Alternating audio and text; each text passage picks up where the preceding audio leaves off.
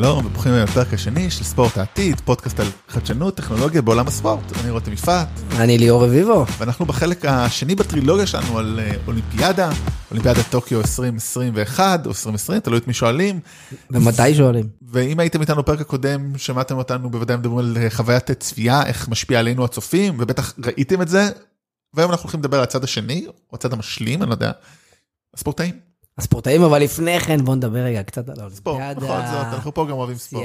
הסתיימה אתמול, בוא נעשה איזה סיכום קצר, לינוי אשרם וכל הבלאגן. תשמע, דבר מה דעתך? אני אסכם לך את זה, בת הזוג שלי כתבה לי אתמול, תמצא לי מה לעשות, אין לי יותר לראות אה, תחרויות על הבוקר. שבת בבוקר, ש- כל שבת, אני קם ואנחנו קמים, ויאללה. אני חייב להודות שיום שבת הזה, פעם ראשונה בחיים שלי שישבתי וראיתי תחרות שלמה של, אתה יודע, התעמלות קרקע. בואנה, זה קשה. התעמלות אמנותית, לא התעמלות קרקע. אמנותית. התעמלות קרקע זה ארטיום. אל תתפסו, אל ת... נכון, סליחה, בואנה, זה קשה מה שהן עושות. אני פשוט אומר, אין סיכוי, כאילו, עכשיו אני מבין למה מתאמנות 15 שעות ביום, כי אי אפשר לזכור את זה אחרת. פשוט מטורף. שאפו ענק, ולינוי היה שם אלופת עולם. אלופת עולם. ליטרלי. ליטרלי, אלופת אולימפית, עולם. עם כל הדיונים בצד, כל הכן, לא, כאילו, הבלאגן של הרוסים, זה אחד, אחד האירונים שהרוסים, ועד, הם לא יכולים לתחת תחת דגל המדינה בגלל שהם מושחתים, אז הם אומרים שמשהו מישהו היה בואנה, מושחת. אתה יודע, אני חשבתי על זה. דגל המדינה שלהם באמת לא הופיע שם. כן, זה, זה, שים לב, זה גם לא ראשה, זה לא RUS, זה אולימפיק, ראשן אולימפיק זה. מה, כאילו, בגלל? אה, סמים בריו או באולימפיאד חורף, אסור להם, אסור להם להשתחרר תחת הדגל הרוסי. אז הם עוד באים ועוד איפה... בטענות שמישהו מושחת. אולי כי הם יודעים, אבל אה, חבר'ה, איזה מטורף. אגב, אתה זוכר, דיברנו בפרק הקודם קצת על, על הטכנולוגיות שנותנות מדדים בזמן אמת על הספורטאים, ודיברנו קצת על מרתון. כן. אז זה היה, קודם כל חם בצורה יוצאת דופן בתוך בכל מקום.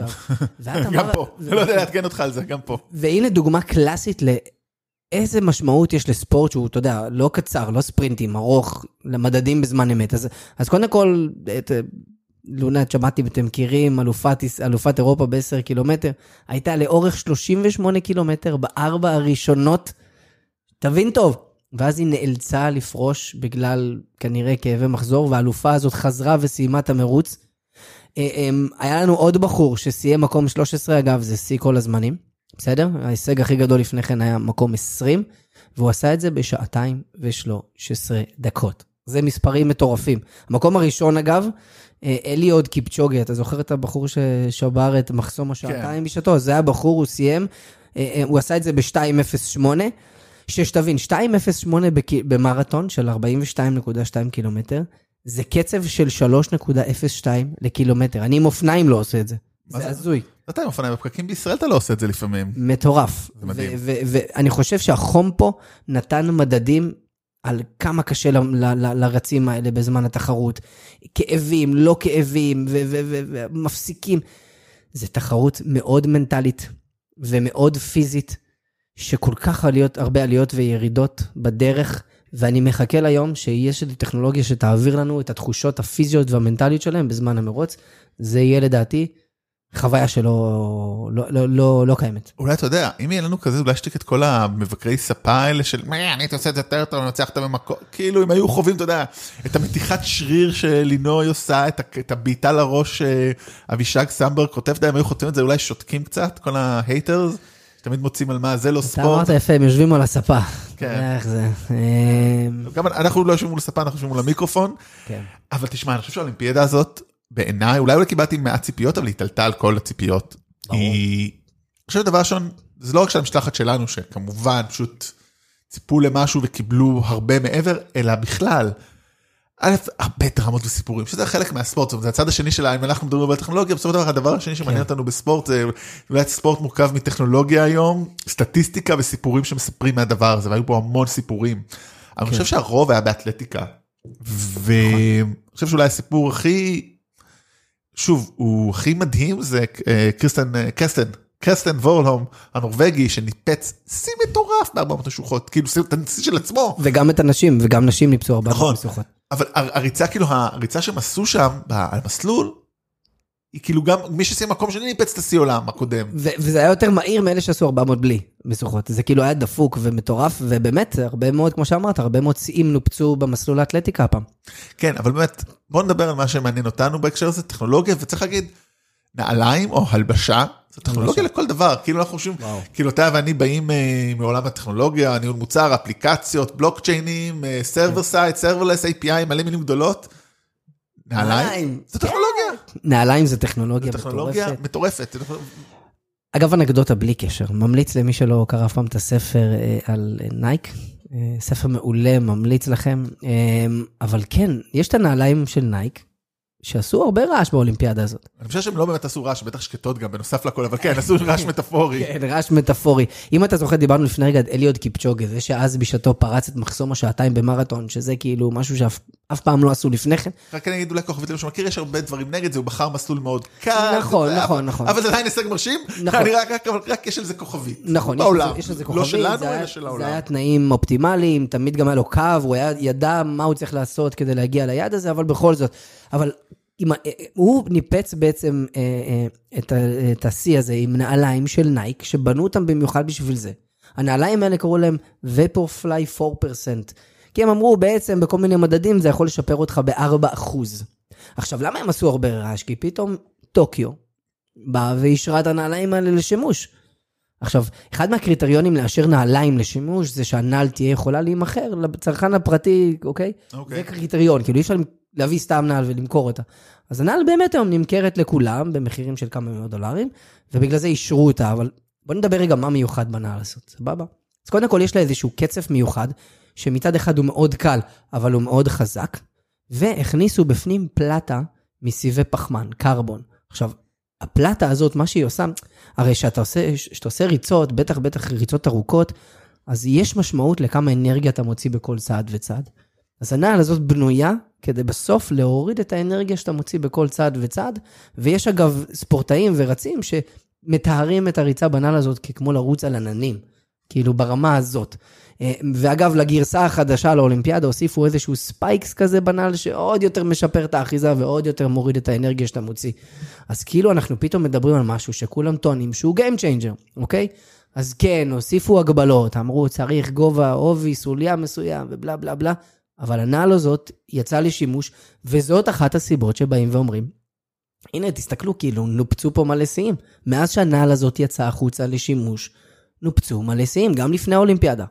אבל אתה יודע, לדוגמה, שיא שלא נופץ, זה ה-100 מטר של- או 200 מטר של יוסיין בולט, כי יש... יש, זה- נע- זה- יש, נעל, יש דברים שלא אבל יעזרו מול רוצה בולט. להגיד, זה היופי פה, כי אתה אומר, יש טכנולוגיה, ויש עדיין האדם מעל הטכנולוגיה, זה מאוד יפה. חד משמעית. אגב, יש בחור, אני לא זוכר את השם שלו, אמריקאי, שניפץ את השיא של יוסל בולט ב-200 200 מטר לנוער, אוקיי? אז, אז לדעתי, כמה שנים קדימה זה ינופץ, אבל כן, לחלוטין. אה, אז, כאילו, אנחנו מדברים פה על נעל, אנחנו מדברים על נעל שעשתה הרבה רעש, והנעל שעוזרת לספורטאים, בטח בריצות ארוכות, לסיים את זה בצורה טובה יותר, אוקיי? ויש כאלה אומרים כמובן, עזבו אתכם נעל או נעל, זה הרץ, אבל אי אפשר שלא לדבר על זה, וזה עשה מלא רעש באולימפיאדה הזאת. זה בדיוק העניין בטכנולוגיה, בכל דבר. כאילו, אתה יכול... שוב, לשים בצד בן אדם כמו יוסיין בולט, רגע, אם כולם מתאמנים קשה וטוב, אז בסוף יש איזשהו אדג', 4% האלה. אני רוצה לדבר, חלק מהנושא שאני רוצה לדבר על, חוסר שוויון טכנולוגי, אוקיי? כי זה, אנחנו נגיע לזה עוד מעט, אבל יש חוסר שוויון טכנולוגי, יש פערי מעמדות בין מדינות, ביכולת שלהם לקבל טכנולוגיה ולהטמיע את הטכנולוגיה, ואנחנו לחלוטין רואים הבדלים. כאילו, אי אפשר להתעלם מהם. כן, אז תכף נשאיר את זה לדיון בסוף, כי זה בטח חלק מעניין, אבל אני רוצה רגע להגיד עוד משהו על אמ, על האצטדיון אתלטיקה, שזה לא רק הנעליים, נכון, זה- זה זה בעצם גם המשטח. מעולה, נכון. של חברת. מונדו, שבעצם עשו שם, אני פעם אחרונה שלמדתי כימיה בכיתה ח', אז אני לא באמת זוכר, עשו שם תהליך כימי מאוד מורכב, כשבעצם השכ- השכבה העליונה עשויה מגומי מגופר, כדי לעזור לאלסטיות, בעצם זה יותר אלסטי, זה יותר קל לדרוך על זה. נכון. בשכבה התחתונה יש גם אה, חללים שמלאים באוויר, שבעצם מסיימים בספיגת זעזועים. ומאחסון אנרגיה ותגובה קינטית מיידית, זה ממש משלים את מה שאמרנו, אתה, אתה ראית את הסרט הפנתר השחור? לא. מארוול? אז יש שם אה, דמות שבעצם יש לו חליפה שיודעת אה, לספוג, נותנים לו מכה, היא סופגת אנרגיה ואז הוא מוציא אותה חזרה, זה די דומה, זאת אומרת, הם, הם, זה, לבלום אנרגיה, לזעזע פגיעות, ופה אומרים, בסופו של יום זה יוצר תחושה של הליכה על עננים. נכון. אז זה די מצחיק כאילו כי הנעליים נעליים. תיארו את זה בתור טרמפולינה ופה זה עננים בוא נלכת על טרמפולין עננים אני רוצה כאלה תביא לי כאלה תביא לי אני רוצה את החוויה זאת חוויה שהייתי מוכר כאילו פארק שעשועים שמוכר את הנעליים עם המשטח הזה. אתה יודע, זה למשל, את דיברת על המשטח, שזה מדהים. עכשיו, אתה יודע, חשבתי על זה קצת. בסוף אולימפיאדה, היא צריכה לספר, לספ, לספק כאילו רגעים מרגשים. תחשוב על אולימפיאדה שאף שיא לא מנופץ. איזה באסה זה, נכון? אז יש לכל פעם לאולימפיאדה, יש רף. היא רוצה ששיאים ינופצו, היא רוצה שיהיה כותרות, והיא, עזוב רגע הטכנולוגיה של הרצים, מה שנקרא, לא מעניין אותנו הרצים, היא צריכה לבדוק איך היא עוזרת ליותר שיאים ושיאים, וואי, לא חשבתי על כאילו, זה. להתנפץ. זאת אומרת שיש אינטרס מאוד גדול לאולימפיאד, ל- ל- ל- ל- ל- למארגנים, לטוקיו במקרה הזה, לעשות. תנאים אופטימליים, כמובן שרוצים תנאים אופטימליים גם באוכל וכל הדברים האלה, אבל נכון. ברמה הזאת, וזה דרך אגב, זה משהו שהוא שוויוני לכולם. נכון. אז בוא בוא בוא נדבר רגע לעבור לעוד אה, מקצוע ספורט בוא נדבר על שחייה קצת כי שחייה אה, פה דיברנו על נייק אז ספידו כמובן הם השחקן הכי גדול אולי והיה כמובן שערוריה אנחנו זוכרים אה, בבייג'ין נכון, בוא 2008. תזכיר לנו ככה קצת מה היה שם עם החליפות המיוחדות ששברו שיאים נכון. ובעצם עצרו הכל רגע. נכון, נכון. אז, אז כל העולם הלביש, ופתאום דיברת על זה מקודם, אז איך בשחייה? ספידו היא סוג של הנייק בעולם השחייה, וב-2008 הם הביאו חליפה שנקראת ספידו LZR רייסר.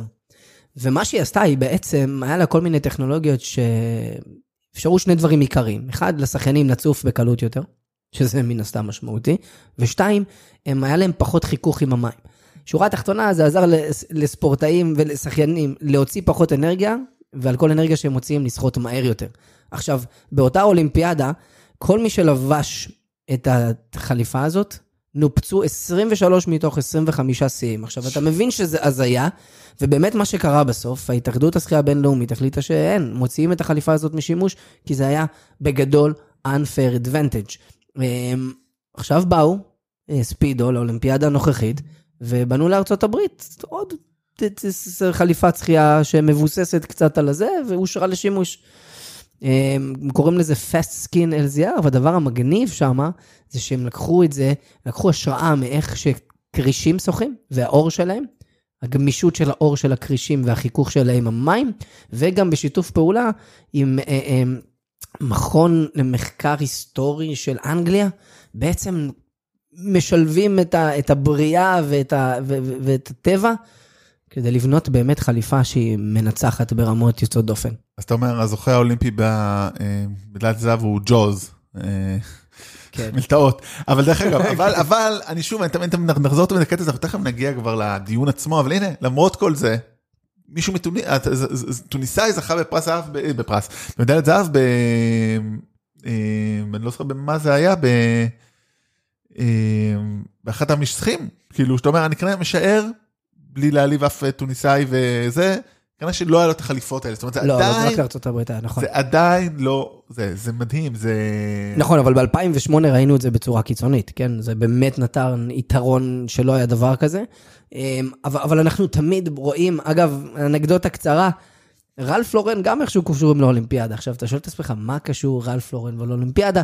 אז הם לא בנו חליפות לספורטאים, כי הם לא מתעסקים בביגוד ספורט, אבל הם הביאו איזושהי הנפצה לחליפות הייצוגיות של ארצות הברית, שיודעות לזהות את הטמפרטורה בחוץ ואת הטמפרטורה בפנים, ומשתמשות בטכנולוגיה שמשתמשים כדי לקרר מעבדים, כדי שלגוף של, השח... של הספורטאים יהיה קר בזמן שהם מניפים את הדגל בטקס פתיחה. אה, אז רק היה ובטקס טקס פתיחה, חשבתי, יודע, כשאתה זה יוצא... בגדים ייצוגיים לטקס פתיחה ובטקס סיום, וזה כזה, אתה יודע, נו, הם צריכים לעשות רעש ולהגיד... כן, להם, צריכים "פורן שאנחנו מאחור". נדבר עליהם בפרק. דרך אגב, רק אה, כדי להיות אה, מדויקים, שזה חשוב, אה, אחמד אה, חנפאווי מתוניסיה זכה ב-400 מטר חופשי גברים, כשבכסף זכה מישהו מאוסטרליה, וארד זכה מישהו מארצות הברית עם חליפה, אבל הנה, עדיין הפרש של...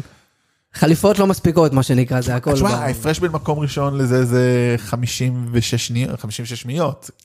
זה כאילו, זה... ולמרות החליפה, זאת אומרת, למרות החליפה הוא הצליח והביא הישג מדהים. אני משער שהזכייה שלו בזהב זה כמו ארטיום אצלנו וואו. ולינוי. נראה. כאילו, מה זה, כאילו, אני לא חושב ש... אני די בטוח בלי לבדוק את זה, אז כאילו...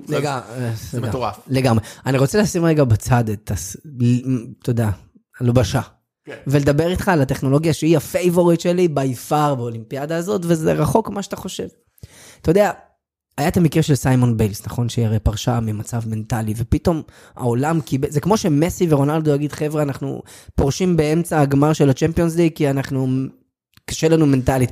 רק חייב כוכבית, רונלדו ב-98, לא ברור מה היה שם בדיוק, זה או לא, אבל כן. רוב הצופים לא זוכרים על מה אתה מדבר, כנראה, אפשר להחליק את זה.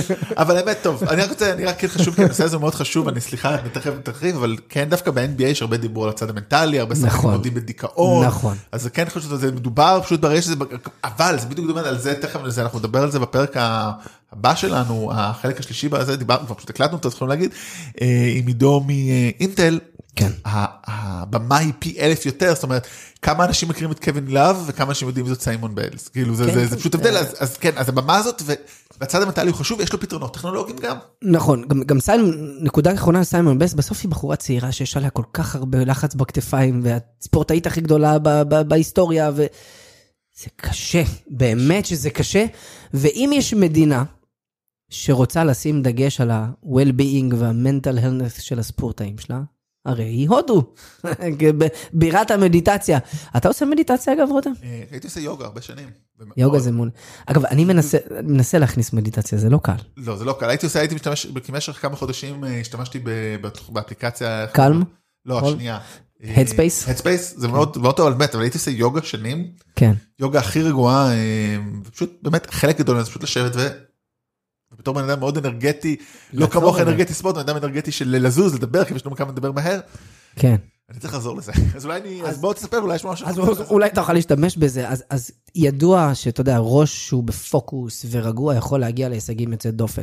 אז הודו בעצם באו והחליטו להשקיע בפן המנטלי של הספורטאים, ו- ופיתחו, לא פיתחו, הם עשו, הם בעצם קנו איזושהי חברה, וביחד איתה יש איזשהו מכשיר לביא שמתלבט מתלבש על האצבע, הוא כמו טבעת, והספורטאים שמים את זה על עצמם בזמן שהם עושים מדיטציה. עכשיו, מאוד מקובל שהם עושים מדיטציה באופן יומי, ואפילו כמה פעמים ביום. ואז איך, בעצם הטכנולוגיה הזאת מאפשרת למאמנים וגם לספורטאים להבין באיזה סטרס כל אחד נמצא, מי צריך להוריד טיפה אימונים, מי צריך לתת יותר כוח. הם רוצים שיהיה להם מעקב ופרפורמנס על, ה- על המצב המנטלי של כל ספורטאי כדי למקסם את הפוטנציאל שלו. והודו שמו על זה דגש, אוקיי? זה, זה מטורף. אני רוצה להגיד, כאילו, אני רוצה להגיד, זה מדהים מבחינתי. זה א' זה מדהים, זאת אומרת, זה משהו לא, לא הכרתי עד שהתחלנו באמת לעבוד על פרק, אבל אני רוצה להגיד, המילה למקסם, אני פחות אוהב אותה בהקשר הזה, אני רוצה להגיד דווקא הפוך. למ- או כן, אתה יודע מה, זה כן למקסם, אבל למקסם על דרך ההפחתה, זאת אומרת, אם אתה עכשיו בשיא הסטרס שלך, נכון. לא יעזור לך עוד אימון. קח אימון דקה. נכון, אנחנו, אני חושב נכון, שגם בישראל וגם בעולם המערבי, לפחות בדורות, אולי דורות היום קצת שונים, אבל בטח כאילו דור הבומרים, בגלל זה הם גם לא הבינו את סיימון ביילס, כל המבוגרים, מה, למה, למה, למה זה, למה קשה לה. נכון. אבל מנוחה נפשית זה דבר טוב, כאילו זה, זה בריא, אנחנו צריכים את זה. אני לפני שבוע הייתי בחופשה. הייתי בחופשה, לא אנחנו תקענו פרקים, כן הייתי בחופשה, שלושה ימים במלון. חייבים. באותו- חייבים. כן. הראש, הגוף שלנו מתפתח במנוחה, הרבה מאוד לא יודעים את זה. כשאנשים מתאמנים זה נחמד, אבל בזמן מנוחה ובז, ו, והתזונה שלנו, 80% מכל מה שאנחנו עושים. שינה טובה. שינה טובה ו, ו, ובריאות מנטלית, בטח בלחצים ובנקודות האלה. אז אני, אגב, זה ה favorite שלי, זה מראה איך ה-well-being נכנס ומקבל מקום ב-day to day של ספורטאים, ב levels הכי גבוהים, והלוואי, אגב, שכולם יעשו מדיטציה, כי זה כבר משפר, ויש לזה מחקרים שזה משפר. ומי שעושה מדיטציה יוכל לבוא ולנתח את זה ולהבין את המצב המנטלי זו שלו. טכנולוגיה שגם לנו יש גישה אומרת, אני יכול לקנות את זה, יכול זה, או שזה עוד לא שם, או שזה עדיין בשלב. עוד, עוד לא שם, זה, זה טכנולוגיה שהיא כרגע רק שם, אבל אתה יודע, יש שם לא מעט טכנולוגיות של מדידה, זה- אי אפשר להגיד שמדויקים, זו טכנולוגיה שאומרת שהיא מאוד מדויקת, בוא נחכה לדעתי, תוך כמה חודשים, שנה זה בחוץ, כמו שדיברנו, אולימפיאדה זה חממה טובה מאוד להוציא כן, טכנולוגיות החוצה. במה- במה וחממה בו זמנית. עכשיו, אני רוצה לדבר איתך רגע על חוסר השוויון הטכנולוגי.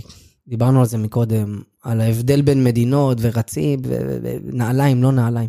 יש דיבור מאוד גדול עכשיו על האי שוויון בטכנולוגיה. יש מדינות אמיתי שמתלוננות ואומרות, לא יכול להיות שלארצות הברית יש את הכסף להשקיע בחליפות שחייה, בנעליים, ויש להם פסיליטיז ברמה הכי גבוהה, ווואלה, כאילו, לא בקטע רע, אבל לך לרצים באוגנדה, או שחיינים, אין להם את אותם תנאים. ברור. ובסוף הם צריכים לבוא לאותה נקודת זמן ולהתמודד באותו מקום. עכשיו, אמיתי, אני מבין אותם. מבין אותם. אבל נראה לי שגם that's life, כאילו, כן, לא יודע, זהו. מה, מה, מה דעתך? אני, אני, אתה יודע, אמרת, אמרת את המשפט, זאת אומרת, אם זה רק היה על טכנולוגיה לבישה, זאת אומרת, במובן של גם נעליים, בגדים וזה, אבל אוקיי, פסיליטיז, אז מה, כאילו, יש לכם פסיליטיז יותר, כאילו האיצטדיונים שלכם יותר, יש לכם מים זורמים, בואו בוא רגע ניקח את זה צעד אחד אחורה. באפריקה במקומות אין מים זורמים, אין זה. אתה יודע, אבל אני יכול ללכת את זה אחורה, רגע, הגנים של האפריקאים לריצות ארוכות, כאילו, נכון. אין שוויון, אין, אין- אין ש- הלוואי- ובזה יש להם יתרון אגב. נכון. שהם רצים גבוה ושהם נכון, רצים נכון. על הזה. לא, וזה גם, אה, ורץ, כאילו, אין שוויון, אין, אין חיה כזאת. אין שוויון, אבל אתה רואה, למעט ריצות ארוכות, אוקיי? וריצות, כאילו, למעט ריצות ארוכות, אפריקה היא מתקשה. נכון? באמת, היא מתקשה. הם לא ספרינטרים טובים והם לא דברים טובים אחרים, אבל האמת, דיברנו מקודם על אולימפיאדה, נראה לי שצריך שיהיה שוויון בשביל שתמיד תהיה את הסינדרלה הזאת באולימפיאדה, כמו טוניסיה שאמרת מקודם, שכנגד כל הסיכויים מביאה מדליה. ובסוף, זה חלק מהסיפור של הספורט וזה חלק מהסיפור של האולימפיאדה. אין מה לעשות, זה כמו בכדורגל, לא כולם יכולים לקנות את מסי ורונלדו, וזה מה יש, כאילו. אפילו ברצלונה כבר לא יכולה לקנות את מסי, אפילו ברצלונה, כן, שזה סיפור עצוב בפני עצמו. אבל הוא, לא, הוא מאוד לא טכנולוגי, הוא, הוא ההפך מטכנולוגיה כמעט. ההפך מטכנולוגיה. תשמע, יש עוד שני נושאים שהייתי רוצה להתקשקש עליהם קצת. יאללה, בואו, אה, בוא, כי אנחנו באמת, זה, זה כאמור החלק השני שלנו, פה אנחנו יותר בחלק של הרצים, בחלק השלישי אנחנו בפרק מעולה. חובה לשמוע, באמת, מטורף. אמ, אומגה, מכיר את החברת שעונים. אומגה?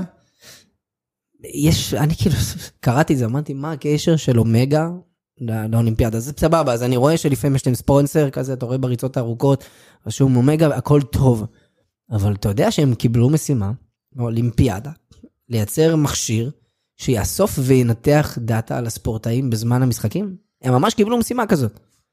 עכשיו, מה שהם עשו, הם פיתחו חיישנים זעירים שמתחברים לבגדים של הספורטאים, והחיישנים האלה יודעים לנתח בערך 2,000 פיסות מידע פר שנייה, what the fuck, כן? איזה מידע יש כל כך הרבה? אלוהים יודע. אבל מה שהם עושים, הם משתמשים בנוסף לחיישנים האלה, גם במצלמות כדי להשלים תמונה רחבה על, על, על, על, על, כאילו, על כל שחקן ועל כל ספורטאי. עכשיו אתה אומר, אוקיי, מגניב, קיבלו את המשימה, איך זה עוזר לשחקנים? אז קודם כל, כל הדאטה אני יכול. לשאול שאלה לפני זה? בטח. אז קשור לאומגה, זאת אומרת, אם זה חיישנים ומצלמות, השעון זה ה- אה, האביזר קצה, זה כאילו הקליינט בסופו של דבר. אמיתי, אין לי מושג. בסדר גמור. אין לי מושג מה הם קשורים, אבל... אם מישהו יש. תשובה, אם מישהו יודע, מוזמן לכתוב לנו. יש נושא פרסים, אנחנו נשלח לכם אה, תמונה של שעון אומגה. אבל בקיצור, אז המידע הזה יש- היא שותף עם השחקנים ומאמנים כדי לסייע להם לבנות תוכניות עתידיות אה, אה, אה, טובות יותר. עכשיו, אמיתי, אנחנו לא מרגישים את זה. פעם ראשונה שאני שומע את זה, אבל הספורטאים והמאמנים מרגישים את זה, וממש מרגישים את זה, אבל אני חושב שהנקודה היפה פה, דיברנו מקודם על כל מיני נתונים ו- ומידע על הספורטאים במהלך הדרך, נכון? אז לדעתי, זה הבסיס, מפה זה מתחיל. יש את החברה הענקית גרמין, שהיא כאילו מספר אחת בשעוני ספורט, וסונטו, שאתה לובש עכשיו אה, גרמין. כולם במרוץ אחרי לאסוף כמה שיותר, כמה שיותר, כמה שיותר נתונים ולנתח בעידן הדאטה, זה כאילו, זה. גם מה שדיברנו עכשיו בפרק הראשון, אמרנו, בסופו של דבר, הכל פה זה כמה שיותר דאטה, ולנתח אותו נכון, כי זה יפה. זה האתגר תמיד. data analyst ו data scientist, אגב, זה היום העובדים הכי מבוקשים בקבוצות כדורגל, בקבוצות בייסבול, בקבוצות כדורסל. בכל תחום כמעט, דאטה, דאטה הוא המלך. כן, אבל פתאום בספורט המאמן מתחיל לקבל מלא כלים ומלא טכנולוגיות ומלא דאטה, והוא לא יודע מה לעשות איתם, אז צריך אנליסט שינתח ויסביר לו ויגיד לו, תשמע, ככה המערך הכי טוב. אז, אז דאטה זה, זה, זה ה king, ולא רק הדאטה זה ה king, זה איך הם הופכים אותו ל insights, וזה בעצם מה שאומגה אה, אה, באים ונכנסים, ואני חושב שאנחנו נראה, לא יודע אם באולימפיאדת החורף, אבל בפריז 2024 אנחנו בהחלט נרגיש, גם אנחנו כצופים, את הנתונים שאומגה אוספים, וזהו, וזה תכלס עוד מקום נחמד אה, בשבילם לעשות PR. זה זה המטרה של כולם. כן. בואו בוא נסיים במשהו קטן אה, שכל כך איזוטרי, אבל הוא מעניין, כי הוא ספורט שהוא מאוד איזוטרי, למרות שהוא באולימפיאדה, בארץ הוא איזוטרי. בארץ איזוטרי, בעולם הוא מאוד גדול, למרות שהיינו בו הצלחה, עצם הגל האולימפיאדה הייתה הצלחה, אבל... בוא, בוא, זה שישה קבוצות, לא צריך כן, להשתולל, אנחנו כן. להגיע לשם, אנחנו מדברים כמובן על בייסבול, כן. שכמובן הנה, על זה גם יש הרבה ביקורות, על זה שהם בכלל לא ישראלים, לא לא גרים. פה. אתה נכון, יודע, ראיתי גם, לא רק בבייסבול, אבל ראיתי גם איזה קופצת בסוסים. מראיינים אותה והיא כאילו, מה הקשר שלה ולישראל? היא כאילו יהודית אמריקאית שמדברת אנגלית שוטפת. קפיצת סוסים בכלל זה ספורט, זה באמת- זה באמת ספורט של באמת לא מבין למה הוא עדיין קיים. אולימפיאדה. לא, למה לא קיים? בגלל הסוסים, לא בגלל כאילו, זה כאילו, תשחררו את הסוסים. כן. זה אה, בגלל זה לא, אין לי בעיה עם... אפשר לעשות על זה פרק, אתה יודע, זה מעניין על ספורט שמתעסק בזה, אבל לא חשוב. בייסבול, כן, אה, לא כולנו חיים בייסבול, רק מי ש... מעטים מאיתנו, אבל נכון, כמו שאמרת, פעם ראשונה אגב שהבייסבול כן. באולימפיאדה, פעם ראשונה שישראל בכלל משתתפת בתחרות כזאת. אה, אה, אומנם זה לא הספורט הלאומי שלנו, אבל בבייסבול יש שני אלמנטים מאוד מאוד חשובים. מה אתה חושב? איזה הם? אה, pitching ו hitting, כאילו נכון. לחבוט בכדור ולזרוק את הכדור. בדיוק, הזריקה והחבטה. אז יש איזושהי חברה דנית בשם טרקמן, אוקיי? הם פיתחו טכנולוגיה שבעצם, כמו כל הטכנולוגיות, סטטיסטיקות ודאטה שרוצות לעזור לשחקנים ולספורטאים, אז טכנולוגיה מצד אחד מודדת את החבטה ואת הזריקה, ועוזרת להם להשתפר. עכשיו, מה שהם טוענים, שהטכנולוגיה שלהם מבוססת על טכנולוגיה צבאית. שמנתחת טילים ומטוסים, כאילו יודעת להתמודד עם מהירויות מטורפות, ואז בעצם מה שהיא עושה, לאלה שנגיד, בוא ניקח רגע את האלה שזורקים, אז היא יודעת לנתח את המהירות של הזריקה, הסחרור, השיפוע, הגובה, ועוד כל מיני מדדים שאמורים לעדכן את המאמן, אגב, בזמן אמת, האם הזורק הזה זה הזורק שצריך לזרוק את הכדור עכשיו, או שהבחור עייף במשחקים קודמים. אז יש פה גם משמעות לקבלת החלטות בזמן משחק. לגבי החובט, אמ, מערכת יודעת לנתח את המהירות, את עוצמת החבטה, את הסיבוב, את נקודת המגע של הכדור, הזווית, השיפוע שלו והמרחק. בסוף מאמן צריך להחליט מי הזורק ומי החובט, וגם הם אחר כך רוצים להשתפר, כמו שדיברנו על ה-3D Athlete Tracking, זה די דומה בקונספט שלו, רק לעולם של אה, בייסבול. אמ, אבל זה באמת, כאילו, זה יכול לשפר גם את הזוויות, או בעיקר דברים של עייפות וכאלה. תראה, בסוף זה נותן הרבה מאוד מדדים. אתה יודע, זה כמו שיש לך פנדלים, סבבה? אז אתה רוצה לדעת אה, מי הבועט שצריך לבעוט. אם היית יכול לנתח את הבעיטות שלו לפני שהוא בועט את הבעיטה המכרעת, אז היית מחליט מי בועט הכי טוב, מי הכי מדויק, מי... אם היה לך את המדדים הפנימיים שלו, אז מי צריך לבעוט, אותו דבר, מי צריך לזרוק ומי צריך לחוות. עכשיו, אמנם זו טכנולוגיה חדשה, אבל היא כבר בשימוש בליגת הבייסבול בארצות הברית, אה, בכל אימון. הגיוני. אה, בדרום קוריאה, בטיוואן וביפן, החליטו שהם לוקחים את זה כדי לזכות אה, במדליה, לא יודע אם זה הצליח אגב. ויש היום הרבה מאוד אנליסטים, דיברנו עליהם, שקבוצות מחזיקות אותם, כדי לבוא ולנתח את הנתונים של המערכת הזאת. אה, וזה בעצם אחד התפקידים הכי חמים היום, נראה לי, בעולם האנליסטים, ולנתח דאטה, כי אתה יודע, בשנים האחרונות פתאום הספורט הפך מספורט ל data driven business. אני רק יכול להמליץ על הסרט המעולה, מבוסס על הספר, מאניבול, כן. שמדבר פה בבייסבול, שבאמת, אני די, כאילו, לא משנה כמה ראיתי אותו וכמה אני מנסה לקרוא, לא הבנתי בדיוק מה עושה שם, אבל הבנתי את הקונספט, זה סרט מעולה, כן. ברד פיט וג'ונה היל בתפקידים מעולים, אה, מומלץ מאוד. אתה יודע, אבל באמת, לסיום, כאילו, אה, אה, בסופו מה שמניע את העולם זה כסף, כאילו נחזור לאי שוויון, יודע כמה כאילו הטלוויזיה וחוויית הצפייה היא משפיעה, או הצורך להשיג הישגים ולנצח, כי כאילו, אוקיי, ניצח, ההבדל בין מקום ראשון לשני בכסף, הוא כאילו, האם זה שווה את זה, זו שאלה מאוד מעניינת. קודם כל, לדעתי בטוח. זה אקו סיסטם שמונע מהרבה מאוד, אה, אתה יודע, הרבה מאוד פוליטיקה, וכל אחד רוצים לשים את עצמו בפרונט, בין אם זה LG, לפנסוניק, לאינטל, וכל אחד רוצה לה, to, to showcase his abilities. אמ, אז כן, חד משמעית, יש לכסף מעורבות, אבל זה כמעט בכל תחום, בטח כן. בספורט. אבל אה, פה בעצם אנחנו, פרק הבא, יש לנו פרק חובה, חובת צפייה, שנותן לנו קצת מבט על המאחורי הקלעים של האולימפיאדה, ואיך גוף משוגע כמו אינטל קשור לזה. אנחנו הולכים לדבר עם מי שמוביל את הצד הטכנולוגי ב Intel Olympics. עידו קדים. עידו קדים, ראיון חובה. כן, אה, ובעצם עם הרעיון שלו אנחנו מסיימים את הטרילוגיה על האולימפיאדה, שזה הגיוני, אנחנו... שזה הגיוני לחלוטין. ואחרי זה עוברים לקצת דברים רגילים יותר. קצת דברים רגילים. האמת בעיקר ספציפיים, זאת אומרת, אולימפיאדה זה רחב, זה גדול. נכון, נכון, באמת, נכון. מכיל סקייטבורד ו- וקשתות, וכמובן את הגדולים, ואת ה... את הגדולים של האולימפיאדה, שזה השלישייה הקדושה שאפילו התברגנו עליה פעם, אתלטיקה, שחייה והתעמלות, נכון. אבל גם אה, את הדברים הגדולים שאנחנו אוהבים כמו כדורגל וכדורסל שמקבלים שם במה, נכון. אבל אנחנו עכשיו הולכים לדבר מעכשיו הלאה, עוברים לדברים הרגילים, נכון. וכמו שאמרנו, אנחנו אומרים תמיד, תמצאו אותנו, אנחנו עובדים על לשפר את הנראות שלנו, אבל תמצאו אותנו בפייסבוק, אותי ואת ליאור, ליאור אביבו, רותם יפעת, פייסבוק, לינקדאין, יש לכם רעיונות, מחשבות, כיוונים. יאללה, פרק הבא יהיה פגז, אה. נתראה. אנחנו יודעים כי הקלטנו אותו כבר. כן. נשתמע, ביי, יאללה. ביי.